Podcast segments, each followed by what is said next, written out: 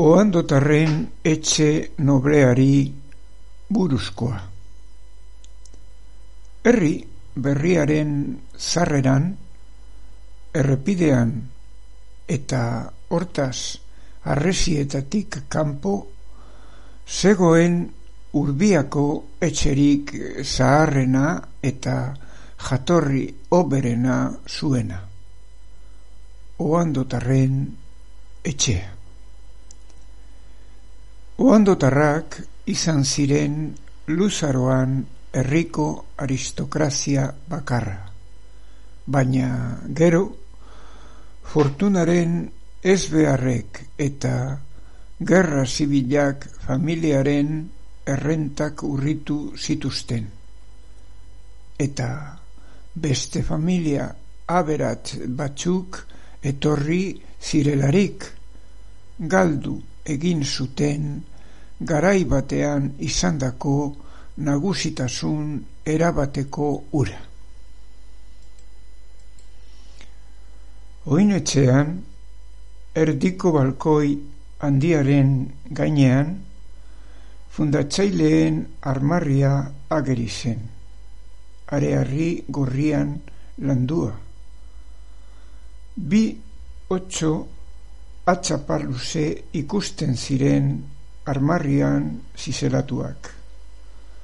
Esku ebaki batzuk ahoan eta aritz bat atzean. Eraldikaren izkeran, otxoak etzaien ganako ankerkeria adierazten du. Aritzak antzinatasun gurgarria.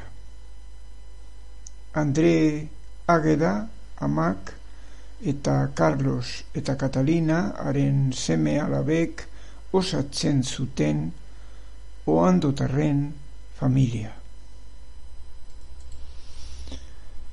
Andre Ageda, emakume aula, fanatikoa eta gaixobera, oso nortasun eskasekoa.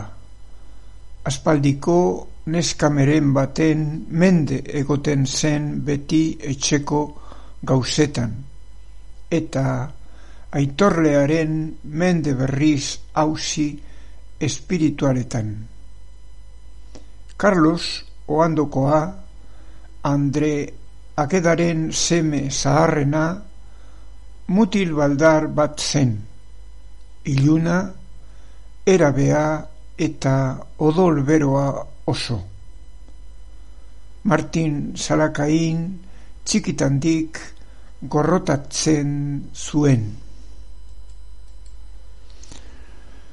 Catalina, haren anaia Carlos Besala iluna eta baldarra izan beharrean, neska pertsenta zen, irribarretzua, alaia eta oso polita.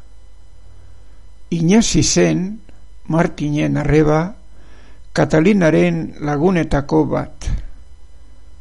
Katalinak eta Martinek askotan topo egiten zuten elkarrekin, eta izketan aritzen ziren.